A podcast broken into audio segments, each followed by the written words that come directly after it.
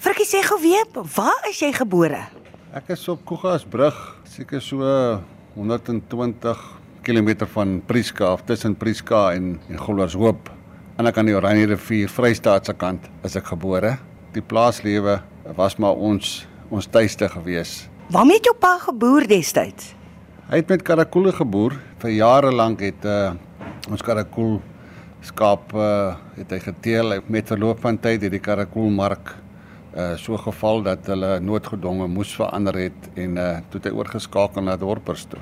Jy is nou al 'n oupa en jy het jou nou kom vestig in die klein Karoo. Maar hy waardes bly mos in 'n mens se hart wat jou ouers jou geleer het. As jy terugdink, was hulle streng? Ja, hulle was streng geweest, maar nie dat hulle weet uh kom ons sê elke dag bakslaa uitgedeel het nie.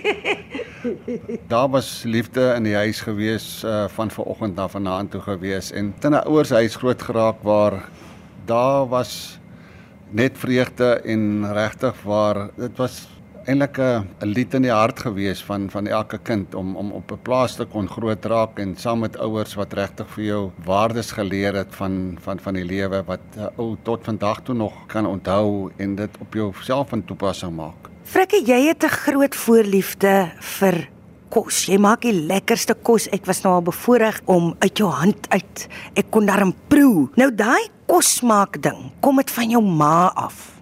Ja, ek sou sê uh, my ma, maar ek dink eerstens my ouma Leni, uh sy was die die die die groot kosmaker gewees en uh ek dink terug aan aan, aan haar hoe ons weet vakansietye het ons op die plaas by hulle gebly en uh ou het het gesien en ervaar hoe sy sy kos maak en regtig waar en ek meen dit is ook wat vandag uh by my bly is is dat 'n mens moet kos met liefde maak Ja. want as jy kos maak vir 'n persoon en daar's nie liefde in daai kos nie, gaan die kos wat jy voorsit gaan glad nie lekker wees nie.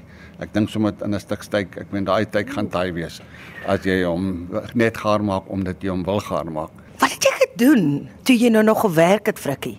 En ek was 'n polisieman gewees uh vir 21 jaar. In daardie tyd, ek meen my oorlede vrou Jamaine uh, was groot in die kosbedryf ook gewees en sy het uh, groot funksies gehou, het troues, uh, sy het 'n eie plekkie gehad. Ek dink sommer terug aan die in in die grootste funksie wat ons gehad het was met die staatsingenieurs uh, van Suid-Afrika wat op George byeen was en ons het op Kamfer die ou treinstasie by Herald het ons 1000 mense kos gegee Yes. die aand. So dit was regtig wel lekker geweest en uh, ons het almal ingespring en in haar gehelp. Dit is maar ook by haar wat ek ook weet geleer het want sy was regtig ware 'n vrou wat kon kos maak. 'n Polisieman wat kon kos maak, maar jy lyk as ek jou nou so in die oë, so diep in die oë kyk, Frikkie, lyk jy asof jy nie nonsens gevat het nie, né? Ja, ek het miskien met baie mense het my gesê ek het 'n sagte hart. Ek hoort nie eintlik in die polisie nie, maar dit is nie altyd dat jy moet moet streng en rigied wees uh, rondom jou werk nie. Dit was vir my lekker geweest, dit was lekker tye. Ek het met baie lekker mense saamgewerk en ons ons so uitgegaan het, ons het baie voorstanddienste gedoen. Dan was ek die man geweest wat maar kos gemaak het of dit nou potjie kos was of dit nou kookkos was en of dit nou pasta was. Ek was die ou wat uh, die kos moet maak en agter in my my kombi wat ek gery het was twee mandjies gewees wat al die proviant ingehaat het met die speserye, met die eetgerei, met alles. So ons kon op enige tyd van die dag langs die pad gestop en, en ek was reg gewees om om om vir hulle kos te kan maak. As jy nou met spog met iets wat jy nou absoluut fantasties kan maak. Iets van jou wat jy floppie. Bak jy ook somme? Ek ek vra nou sommer oor die bak want eh, mense wat kan kos maak kan nie noodwendig bak nie. Ja, ek bak uh ook, maar dis nie dis nie hierdie fyn fyn goedjies nie. Ek is nou nog nie so geleerd om al hierdie kollewyntjies en goed wat ouma ge, gemaak het in haar tyd. Ek ek hou van van grobbe kos, van boerekos maak en ek meen ek dink so onwillekeurig terug aan my ouma, jy weet, uh as my oupa geslag het dan het hy 'n stukkie lewer in 'n niertjie in die vetderm uh in 'n klein stukkie van die van die rib het hy op sy rooster gesit en dan wil ons as kinders by hom 'n stukkie gehad het van dit en dan sê hy nee julle ouma maak julle kos en my ouma het vir ons ons daai tyd wat sal doen gemaak Wat is dit? wat sal doen is dis 'n dis lewer wat in blokkies gesny het niertjies o ja en daar kom nog hart ook by uh en dan die kambeentjies soos hy het gesê het van die van die rib, die klein beentjies in die agterkant van die rib en dat sy dit in 'n meelwit sous gemik en asyn ingesit. So dit was ek dink hulle noem dit vandag suurkos as ek reg is. Maar dit was 'n belewenis geweest om daai uit 'n hand uit te eet en dan met 'n lekker warm stuk plaasbrood onder dit. Ek dit dit kan 'n mens nie vir iemand beskryf nie, maar dit is 'n wonderlike ervaring en uh, Afrikadelle kan ek jou vertel en ek meen ek is ooit spyt dat ek nooit uh, weet vir haar gevra het wat sy alles in sit want ek het al hoeveel keer frikadelle probeer maak soos sy dit maak en ek kon dit nog nooit regkry nie. Maar uh, dit is maar daar wat ek die lus gekry het om om om kos te maak en regtig waar bietjie te improviseer. Daar's soveel goed vandag op die mark. Sê gou weer wat sy kos wat jou ouma gemaak het? Wat sal doen? Dis die oulikste naam. Het jy ooit van gevra oor die naam? Sy het maar dit vir ons gesê dit is maar weet soos hulle nou maar groot geraak het. Dit is amper soos ons baie keer gevra het vir my ma, wat eet ons vanaand? Dan sê sy ja nee, ons eet uh derms waarvan die mispunte afgesny is. Jy het nou eh, jou 'n holte vir jou voet kom kry en jy's hier by die Chandelier Gasteplaas waar jy julle bestuur die restaurant hier. Jy en jou vrou Maritjie. Maar ek wil gou 'n bietjie praat oor Maritjie. So het jy vind toe weer later in jou lewe liefde. Ja, in 2009 het dit regtig waar weet gekom, weet ek was Na sy mense dood was ek 3 jaar alleen gewees en nou het soos 'n malkop hoender het jy rondgehardloop en ek meen baie man sê ja, dis nie nodig vir 'n vrou nie, maar dit is nodig dat 'n man weet 'n vrou het wat hom kan bystaan en uh, dit was na een aand wat die kinders ons eintlik bymekaar gesit het nou het ons op 'n funksie gegaan in Oudtshoorn waar Maritjie se seun op skool was. En van daai dag af het alles net bymekaar gepas en dit was so vinnig geweest. Ek dink ons was met mekaar 6 maande geken toe ons getroud.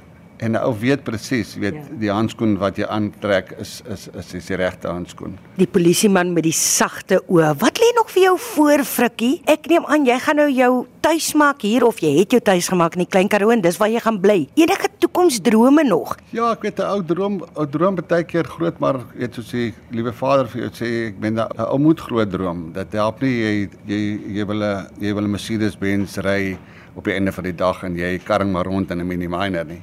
So ja, daar ek ben op hierdie stadium uh, is die restaurant ons ons inkomste in ou weet ek sal graag my eie plekkie wil hê, maar dit moenie 'n groot plek wees nie. Dit moet 'n plek wees wat so 30 mense kan vat wat jy regtig vir hulle hulle kan weet goeie kos voorsit dat jy weet die atmosfeer binnekant kan hou want ek dink as 'n plek te groot raak dan is die persone wat kom eet ook net 'n nommer en dit is nie waar dit vir my gaan nie. Dit gaan vir my dat daardie persoon wil ek regtig aan ander gee. Jy moet by hom uitkom terwyl jy sy kos voorsit en by hom hoor of alles wel is en bietjie met hom gesels want ja. jy wil weet waarvan af hulle kom of die persone kom. So maak 'n mens kennisse met mekaar en ruil gedagtes uit en op die einde van die dag groei 'n mens deur ander mense wat wat by jou kom eet en met met jou gedagtes ruil rondom daai bord kos. Jy sien, kos is die middelpunt van alles en ons weet ten minste nou dat die steak by jou nie taai gaan wees nie.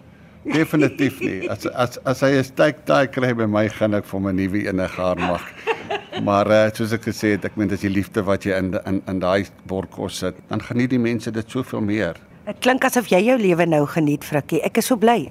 Ek geniet my lewe regtig waar ek meen ek en Maritjie gesels baie met mekaar het rondom ons tyd nou vir mekaar, jy weet, ek meen ek het op 'n stadium van my lewe het ek plekke bestuur en ou se tyd vir mekaar dit was eintlik maar saans wanneer jy klaar gewerk het en daai saans het baie keer gestop 1 uur 2 uur in die oggend. En so het tyd by ons verbygegaan wat ons regtig nie weet gekommunikeer het. Jy het mekaar soggens gesien en jy het mekaar weer vandag weer gesien as jy as jy huis toe kom. En later tyd het ons dit saam begin doen wat ons daarin bietjie meer kontak met mekaar gehad het, maar ek dink ons het nou goeie tyd. Ons het nou kwaliteit tyd wat ons met mekaar kan kan wees en ons geniet regtig waar geniet ons die lewe. Ons sal graag met bietjie meer wil reis, jy weet, ou kinders waarby jy met uitkom want hulle is deel van jou lewe en jy moet jy moet met hulle en jou kleinkinders moet jy met by gaan kuier of hulle moet by jou kuier. Dit is goed wat ons aan aan aan werk om om regtig waar tyd aan ons geliefdes te kan spandeer. Soveel tyd wat ons spandeer met ons gaste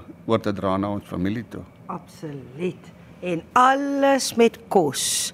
Alles met kos en ek dink die, die groot ding is ek meen as, as kos, soos jy net ook gesê het, is is die middelpunt van baie goed. Om 'n bord kos gesels ons lekker, en, uh, ons ons kuier lekker om 'n bord kos en as die kos lekker is, dan kuier ons nog lekkerder.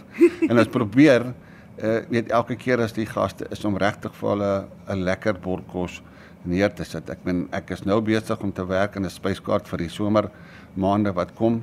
Ek het so 'n paar nuwe idees wat ek wil insit. Dit is goed wat ek aan werk en ek ek glo regtig waar dat dit uh, gaan aftrek kry by by die gaste en voornemende gaste wat vir ons gaan kom kuier. Nou ja mense, ek sit hier. Hier is 'n wonderlike bord kos voor my. Dis 'n ontbyt en dis waar wat Frikkie sê. Dit lyk absoluut. Ek kan nie eers beskryf hoe mooi die bord lyk met die kos bo-op dit hier in 'n mooi bak. So, verskoon my, dit is tyd om te eet. Baie dankie Frikkie. Dis 'n groot plesier. Laat ons weg lê. Laat ons weg lê.